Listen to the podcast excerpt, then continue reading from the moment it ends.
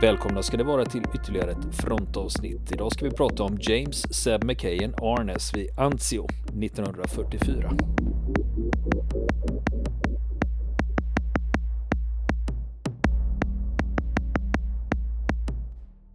Ja du Niklas, kommer du ihåg Zeb McKayen? Om jag kommer ihåg Seb McKayen, det, det är klart jag gör. Jag har till och med någonstans i gömmorna, någon låda på vinden så ligger hans autograf. Nej, Jo, det här är ju skitstort. Jag blev lite starstruck nu liksom. jag skrev när, när McKayens gick på tv, vad kan jag ha varit, 12? 12-13 Mm. år? Ja, Så skrev jag ett brev till filmbolaget på något sätt. Jag tror i någon eftertext så stod det vilket filmbolag det var. Mm-hmm. Jag skrev ett brev med en eh, hoptotad adress eh, med bolagets namn och Hollywood USA på. Och bad att få en autograf av Seb McKayen. Och hörde ingenting. Det tog ett år. Sen damp det ner ett mystiskt brev från Amerika och i det låg ett foto och en autograf från Seb McKayen i det brevet. Så jag höll ju på att ramla av stolen när jag, på den tiden. När jag, eh, när jag öppnade det brevet. ja herregud. Nej men idag, eh, okej, eh, man måste ju förstå att idag så finns ju, ibland finns det ju artister som har egen Instagram eller Facebook och sådär, även om de har folk som sköter det åt dem. Så kontaktytorna är desto fler jämfört med hur det var på 70-talet. Det är liksom, Ja, en precis. skådis i Hollywood var ju liksom Ja. en annan galax liksom. ja, precis. Det fanns ju bara två tv-kanaler att titta på Ja. på den tiden. Så man fick ju liksom nöja sig med det. det gick, alltså Zappa, om man säger så, Zappa med fjärrkontrollen var ju något som inte var uppfunnet i Sverige på den tiden. Det fanns ju inte så mycket av Zappa mellan. Mm. Ja, och det här hänger ju lite ihop om vi bara tar den här tv-serien då. Eh, som heter Familjen McKayens.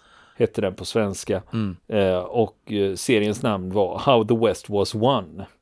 Men eh, då kan man tycka, oj vad knasigt att översätta det så. Men det är faktiskt inte helt eh, fel för att det var det här, den här tv-serien föregicks av en två timmars tv-pilot som hette The McKayens. Och vill man översätta The McKayens till svenska så blir det ju familjen McKayen. Va? Ja, just det. Så man är inte helt ute och snurrar där då. Men precis som du sa att på den här tiden 77-78 ungefär, då hade man ju bara två tv-kanaler, vilket betyder att alla tittar på samma saker. Så när du kom till skolan dagen därpå, då hade alla sett samma grejer på tv. Mm. Så du hade ju en väldigt snäv referensram liksom. På det Ja, viset. ja, precis. Men å andra sidan så hade man ju någonting att prata om.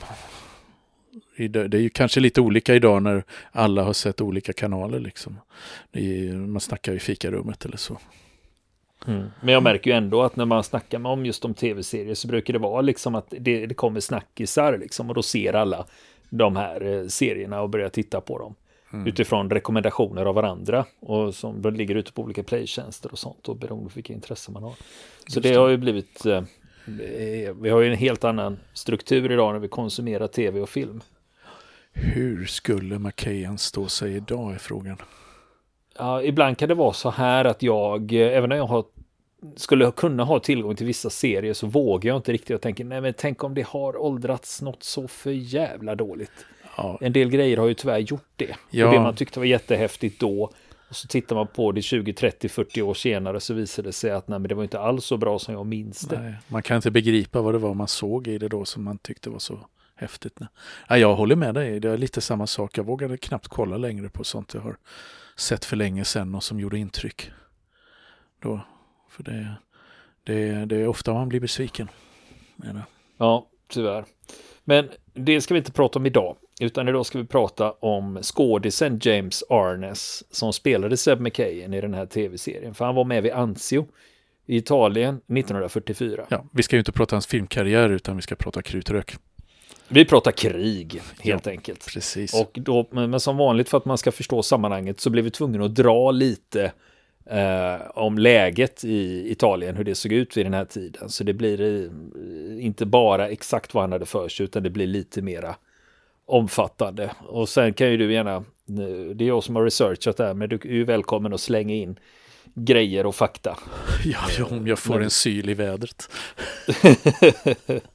ja, nej då, det ska inte vara några, uh, vara några problem. Men vi ska börja prata lite om uh, James Arnes här. Uh, för det som många minns när de kommer ihåg hans karaktär, det var ju det här att han haltade. Och det var inte skådespeleri, utan han haltade efter att ha träffats av en tysk kulspruta. Så det var därför han gick lite konstigt. Eh, om man kan dra sig till minnes det då. Ja, för det var ju en grej det där med att gå som Seb McKayan. Liksom. Det var mycket kommentarer och skämt kring det där det, på den tiden när, när den här tv-serien var.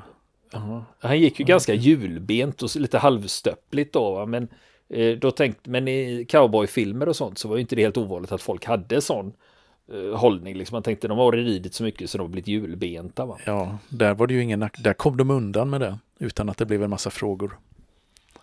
Ja, precis. Men vi ska tillbaka här till James Arnes. Jag ska börja med börja dra lite av namnet Arnes. Det är att hans farfar var norrman och hette Peter Aursnäs. Och han, det är därifrån namnet kommer. Och hans farfar klev i land på Ellis Island 1887. Och eh, då visade det sig att amerikanerna hade svårt med S i mitten av efternamnet där på Ellis Island, så då blev det Aurnäs. Det här är ju inte ovanligt att folks namn ändrades lite när de kom till Ellis Island. De blev ofta ganska misshandlade namnen Och det där. kan ju ibland leda till lite problem bland forskare när de ska researcha släktingar och sånt och så hittar de inte namnet i Eh, för listorna från Ellis Island finns ju kvar.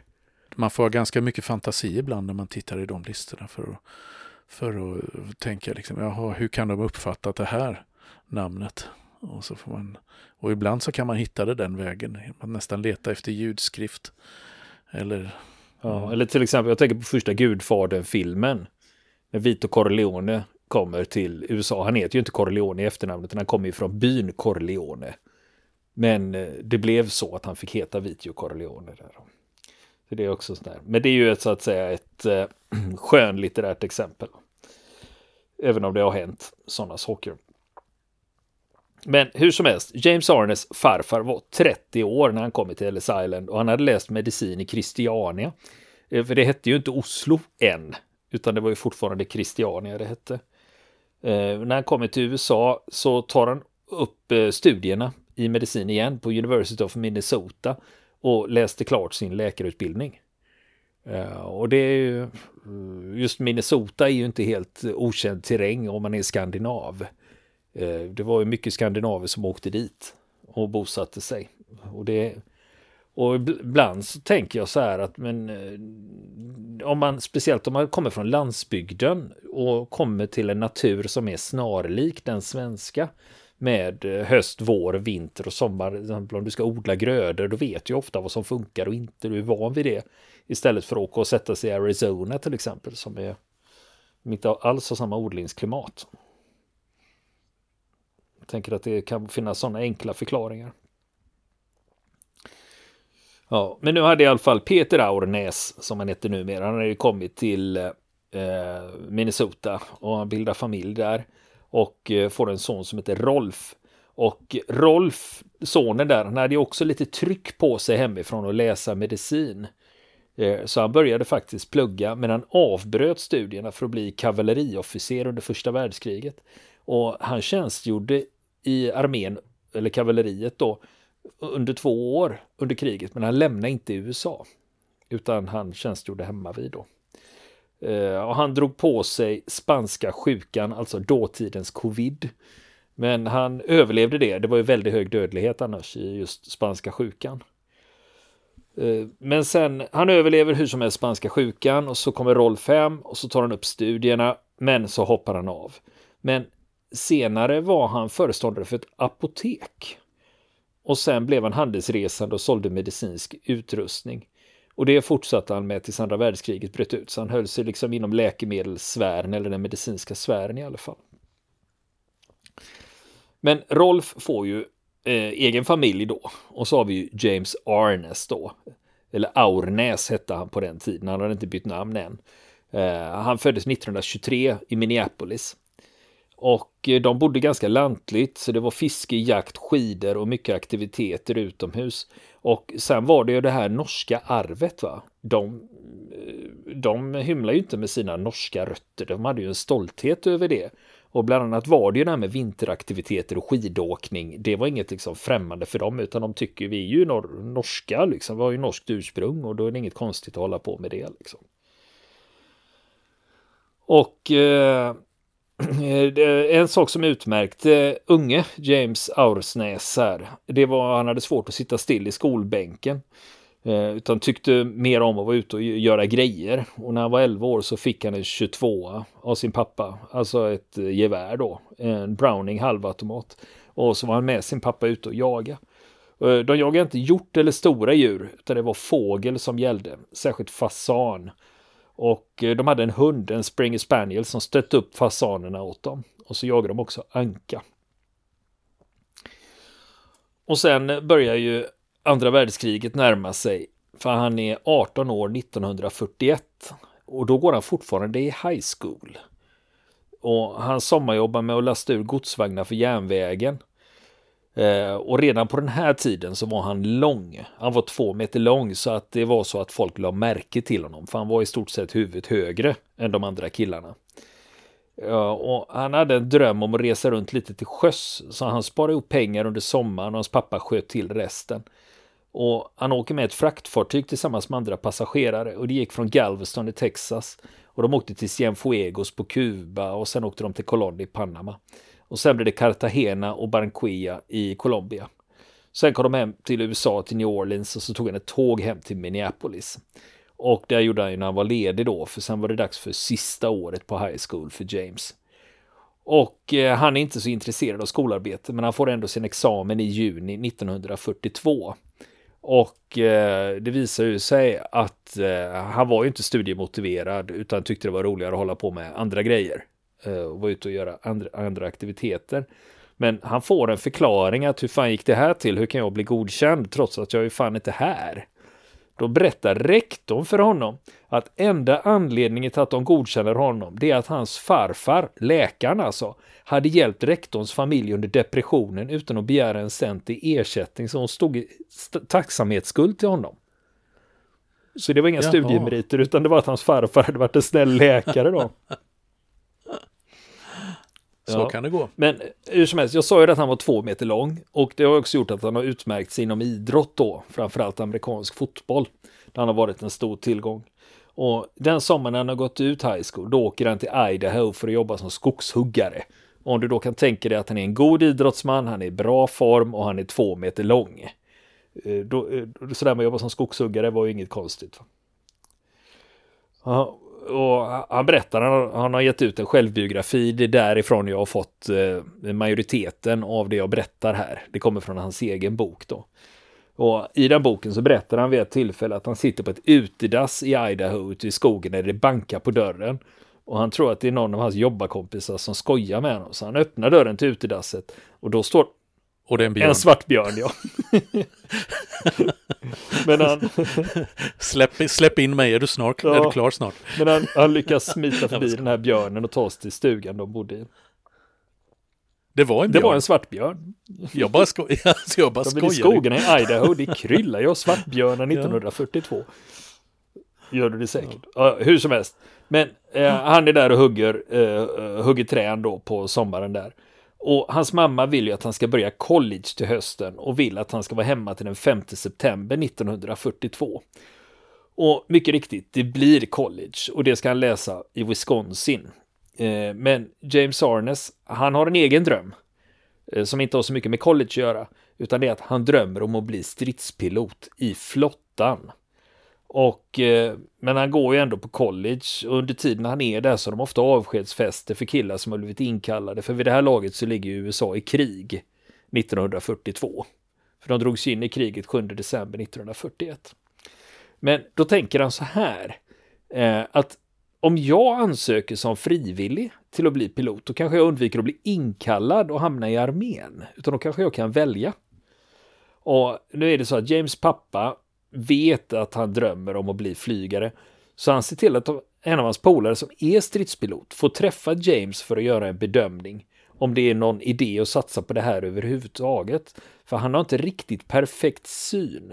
Men hur som helst, han ska få genomgå en undersökning för att avgöra om han kan bli pilot eller inte. Men ganska snart på den här undersökningen så får han reda på att det ser inte bra ut. För det ska man ha minst två år på college och sen har de en maxlängd på 188 centimeter. Och James är ju ganska exakt två meter lång. Så då blir han diskvalificerad av de två skälen. Och han har kompisar som själva överväger handelsflottan. Så det funderar han också på ett tag. Men det blir ingenting med det. Och till slut så skriver han ett brev till inkallelsenämnden i Minneapolis och ber dem att få rycka in så snart som möjligt. Så i februari 1943, då får han sin inkallelseorder på posten. Och där står det att han ska inställa sig för grundutbildning i Fort Snelling i Minnesota och det ska han göra den 20 mars. Och han hade hört om att det fanns speciella skidtrupper som utbildades i Aspen, Colorado. Och han var ju mer eller mindre uppväxt på skidor, det här norska arvet plus Minnesota. Så när han kommer till Fort Snelling 20 mars och får fylla i vilken specialitet de vill inrikta sig på så skrev, så skrev han Ski Troops, skidtrupperna och, eh, och lämnar ifrån sig det pappret. Och de får sen kliva på ett tåg och lämna Minnesota och Arnes han är övertygad om att han är på väg till Aspen. Men när han upptäcker att de åker söderut längs med Mississippi då undrar han vart de är på väg. Ja, då får han höra att de ska till Camp Wheeler i Georgia för att få sin grundutbildning som infanterister. Och han inser att det där med skidtrupperna, det blir nog inget med. Men så tänker han så här att men om jag ändå ska bli infanterist, då ska jag ändå liksom satsa och bli så bra jag bara kan. Det är dåligt med snö i Georgia. Ja, precis. Och de kommer till Camp Wheeler, då sätts de ihop en bataljon och det är killar från hela östra delen av landet. Och han berättar bland annat om en kille i hans bataljon som var en fenomenal skytt på M1 Garand. Det var ju den, det geväret de fick ut dem. Och det är 13 veckors grundutbildning och de har ganska ofta 32 kilometers marscher med packning.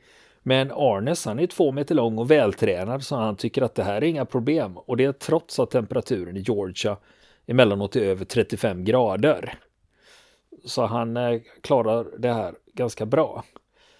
Till och med så bra att när de här 13 veckorna är över då får han frågan om han vill stanna kvar på Camp Wheeler och utbilda rekryter. Han har gjort så bra intryck på instruktörerna så de frågar att kan du inte stanna här?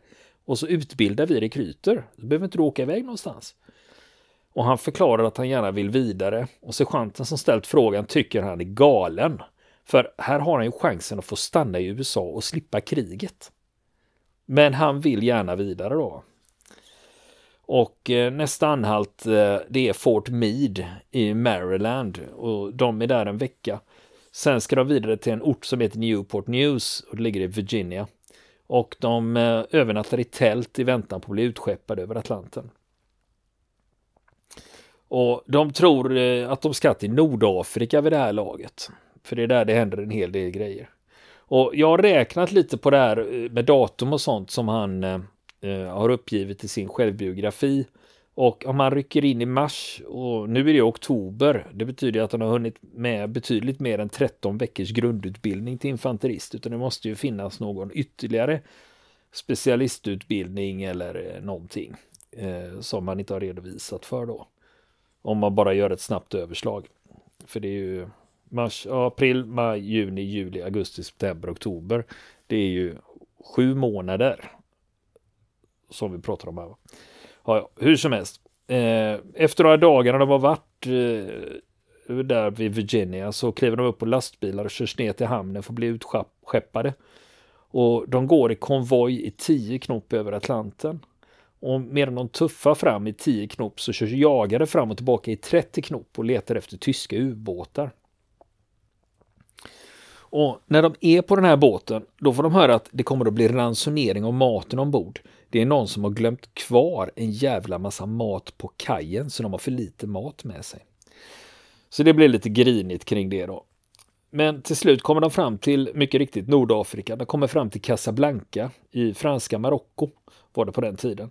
Och de åker lastbil till ett stort tältläger utanför staden. Och de får tydliga instruktioner att de får inte lämna lägret på natten, för det är farligt ute i Casablanca. Och de hör kvinnor ropa utanför lägret som erbjuder tjänster till soldaterna. Och det är, några soldater kan inte motstå frestelsen att lämna lägret och de påträffas morgonen därpå med halsarna avskurna. Det var ganska vanligt med rån, eh, rån och mord. Och det är samma sak, eh, de får lov att besöka Casablanca på dagtid eh, och då får de tydliga instruktioner om hur de ska bete sig och de ska framförallt undvika prostituerade. Det sker ofta rån eller mord i samband med det då. När de blir iväglockade någonstans. De är i Casablanca en vecka, sen ska de vidare. Och då åker de via järnvägen till Oran i Algeriet och då passerar de de snöklädda Atlasbergen. Och efter två dagar i Oran så kliver de ombord på fartyg som ska ta dem till Neapel. Och Neapel har ju fallit ganska nyss här. För det föll i oktober 43 och staden ligger i ruiner. Och där kommer de till en depå för ersättningsmanskap. Och det är också ett tältläger och där får de vänta tills de får sin placering i ett förband som drabbats av förluster. Där de ska ersätta stupade och sårade. Eh, jag vet inte om du talas om det uttrycket de använder där, Reppel Deppel. Replacement Depot. Hur som helst, nu är det december 1943 och de kliver upp på lastbilar och åker norrut. Eh, det är ju så att det finns ju en front där uppe, Gustavlinjen, som går längs med kasino. Och de åker norrut och då träffar de på veteraner som varit i strid och får lära sig praktiska saker. Som om det börjar skjuta så ska man slänga sig ner i skydd direkt och sen gör man ingenting förrän orden kommer att man ska göra någonting. Utan man ska ta några egna initiativ. Och sen när de åker vidare eh, så hör de artilleri på långt håll och då kommer de fram till sitt slutmål, San Pietro i Volturnodalen. Och det är runt tre mil norr om Neapel. Och där får Arnes reda på att han kommer att tillhöra andra pluton, E-kompaniet, andra bataljonen, sjunde regementet i tredje infanteridivisionen. Och det regementet som han kommer med i, det kallades för Cotton Bailers. Och smeknamnet till eh, det regementet, det kommer från kriget 1812 mellan USA och England. Och eh, smeknamnet Cotton Bailers, alltså bomullsbalar, det var att sjunde regementet höll stånd i New Orleans bakom bomullsbalar och avvärjde ett brittiskt anfall. Och efter det så fick de liksom hederstiteln Cotton Bailers efter den här insatsen då mot britterna. Och de kommer till San Pietro och får träffa veteraner de ska tjänstgöra med. Maten de får det är äggpulver, gummiliknande bacon och konserverat kött. Spam heter ju det. Och Arnes säger själv att de åt så mycket spam att han efter kriget inte tålde lukten eller smaken av det. Utan, men han, han erkänner att han har faktiskt provat det en eller två gånger efter kriget bara för liksom för, för, för att minnas. ja. Men hur som helst, de har ju kommit till San Pietro. Eh, så eh, där går de upp i bergen och de vet inte om det än. Men norr om dem så kommer slaget om Monte Cassino snart att äga rum. Men eh, de Cotton Bailers kommer inte att vara med i slaget om Monte Cassino. De kommer att vara på annat håll då. Och eh, de går upp i bergen och får reda på att de ska till fronten. Men innan dess så ska de lära sig att ta sig över floder med hjälp av rep eller flottar. Och en dag när de är ute så får de se liket efter en stupad tysk soldat. Och det är första gången de ser något sånt. Det gör ett stort intryck på soldaterna. Och de ser också sårade amerikanska soldater som förs tillbaka från fronten och nu fattar de att nu är det allvar. Men än så länge har de inte blivit insatta i några strider. Det är julafton 1943 och de väntar på att sättas in i strid. De bjuds på vin denna julafton och efter ett tag börjar de prata om julmaten de brukar äta hemma. Och sen några dagar efter julafton, då får de orden att packa och göra sig klara. Och de blir förvånade när de får veta att de inte ska åka norrut, utan de ska åka söderut mot Neapel, bort från kriget. Och de kliver av på ett fält norr om staden. Och nu börjar de istället öva med landstigningsbåtar och öva landstigningar på Capri och Salerno. Och några dagar innan de ska delta i en skarp landstigning. Då får de veta av sina befäl att de ska förbereda sig på det värsta. De får reda på att när de landstiger så kommer de att mötas av en erfaren och motiverad fiende som inte kommer lämna ifrån sig stranden frivilligt. De säger det till dem att för att peppa dem då, då säger de till dem att det är ni som måste göra det här. För era mammor kan det inte, era bröder kan det inte, era systrar kan det inte och era pappor kan det inte. Utan det är ni som måste se till att eh, göra det här. Men de visste fortfarande inte vad de skulle anfalla, för det var hemligt. Men de misstänkte att på något sätt borde det ha med Monte Cassino att göra. Och en dag så ser de att det är en jäkla massa fartyg och manskap i hamnen i Neapel och nu fattar de att det här är något stort på gång. Och till slut så får de en genomgång var de ska landstiga någonstans, men mest i detalj, alltså inte de övergripande dragen. Eh, utan de fick reda på sin exakta roll i landstigningen, att ni ska ta den här sektorn av stranden. Och de vet fortfarande inte riktigt var i Italien det ska ske någonstans. Utan de får höra att deras pluton ska ta Red Beach och egentligen heter den stranden Netuno. Och de ska strida inåt land tills de når sitt mål och det är runt 7 eller 8 kilometer dit från stranden. Och nu Eh, är det dags att höja blicken en aning här, för eh, Arnes vet inte om det här och ingen annan heller. Men tyskarna har förutsett en landstigning, men att den ska ske norr om Rom och de håller flera styrkor i reserv där. Men den landstigningen de ska genomföra det är vid Anzio. Det är sex mil söder om Rom. Det är alltså eh, det är norr om Neapel men det är fortfarande bakom fronten så att de kan ta tyskarna i ryggen. För de har ju sin Gustavlinje som ligger och spärrar av Italien tvärs över här. Längs med Casino. Och eh, nästa dag så tar de sig ner till Neapel med full stridsutrustning och så kliver de i de här landstigningsbåtarna. Och då är det tidig morgon 21 januari 1944 och det är mer än 200 landstigningsfartyg med runt 40 000 man. Och det är jagare och kryssare och massa andra fartyg med. Och Arnes och hans gäng, de färdas i en brittisk LCI, Landing Craft Infantry. Det är alltså inte en sån de har i Saving Private Ryan där på Oahu Beach, utan de här är större, rymmer fler folk. Och det är både britter och amerikaner som deltar i den här landstigningen. Så det är därför de har brittiska fartyg också. Och eh, Arnes gäng där, de är beväpnade med Emmet Garand och de fick ut bandoliers, alltså sådana här ammunitionsbälten och tyg. Och varje innehöll ungefär sex magasin och de hade tre, fyra ammunitionsbälten per man. Och så fyllde de sina jackfickor med handgranater.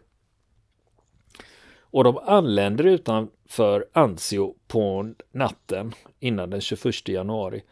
Och båten sänker farten och så ligger den sen stilla i vattnet med motorerna igång.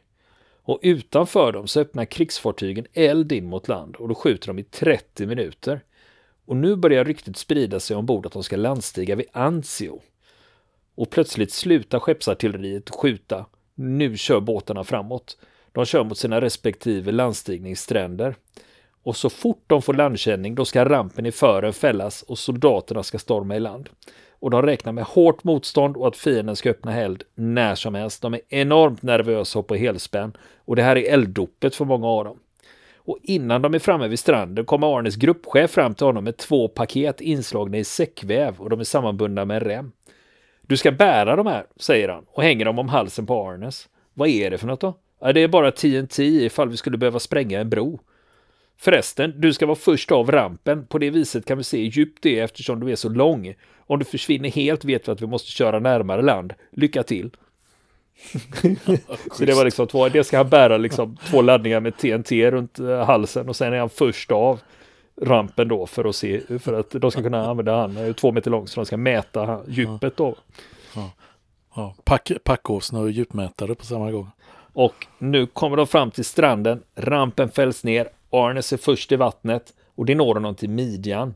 Och han väntar bara på att snart kommer det att smälla. Jag kommer att bli beskjuten när som helst. Och de andra landstigningsbåtarna töms också på mitt manskap. Och nu är det 15 000 man som har landstigit på en kuststräcka som är runt en och en halv kilometer. Och det är utan att någon öppnar eld mot dem. Utan helt utan motstånd kliver de i land på stranden vid Anzio. Och Mm, det var inga tyskar Nej, där. det var inga tyskar där överhuvudtaget. eller, eller italienare. Och när de har kommit till land och ingen öppnat eld mot dem så förstår de att men herregud, vi har överlevt. Och landstigningen fortsätter. De för i land mer folk och mer förnödenheter och inte ett skott har avlossats. Och de vet ju om att deras mål ligger ju inåt land, så nu fortsätter de framåt. Och tre bataljoner från US Rangers, de tar staden Anzio. Och 509th Parachute Infantry Battalion tar staden bredvid Anzio, som heter Letuno. Och när jag läste Arnes självbiografi då tänkte jag, det måste ju vara fel. Jag har ju sett Band of Brothers tusen gånger och den här tresiffriga beteckningen, det brukar ju vara ett regemente, PIR alltså, Parachute Infantry Regiment. Men här så stod det att det var 509th Parachute Infantry Battalion. Och jag tänkte, ja, är det fel här eller?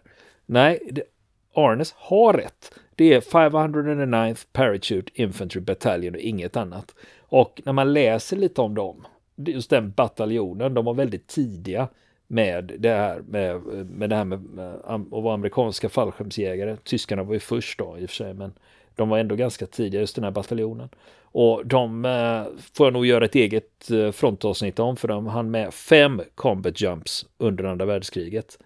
Om man då jämför med två som de i Band of Brothers fick göra. De körde ju Normandie och sen Operation Market Garden.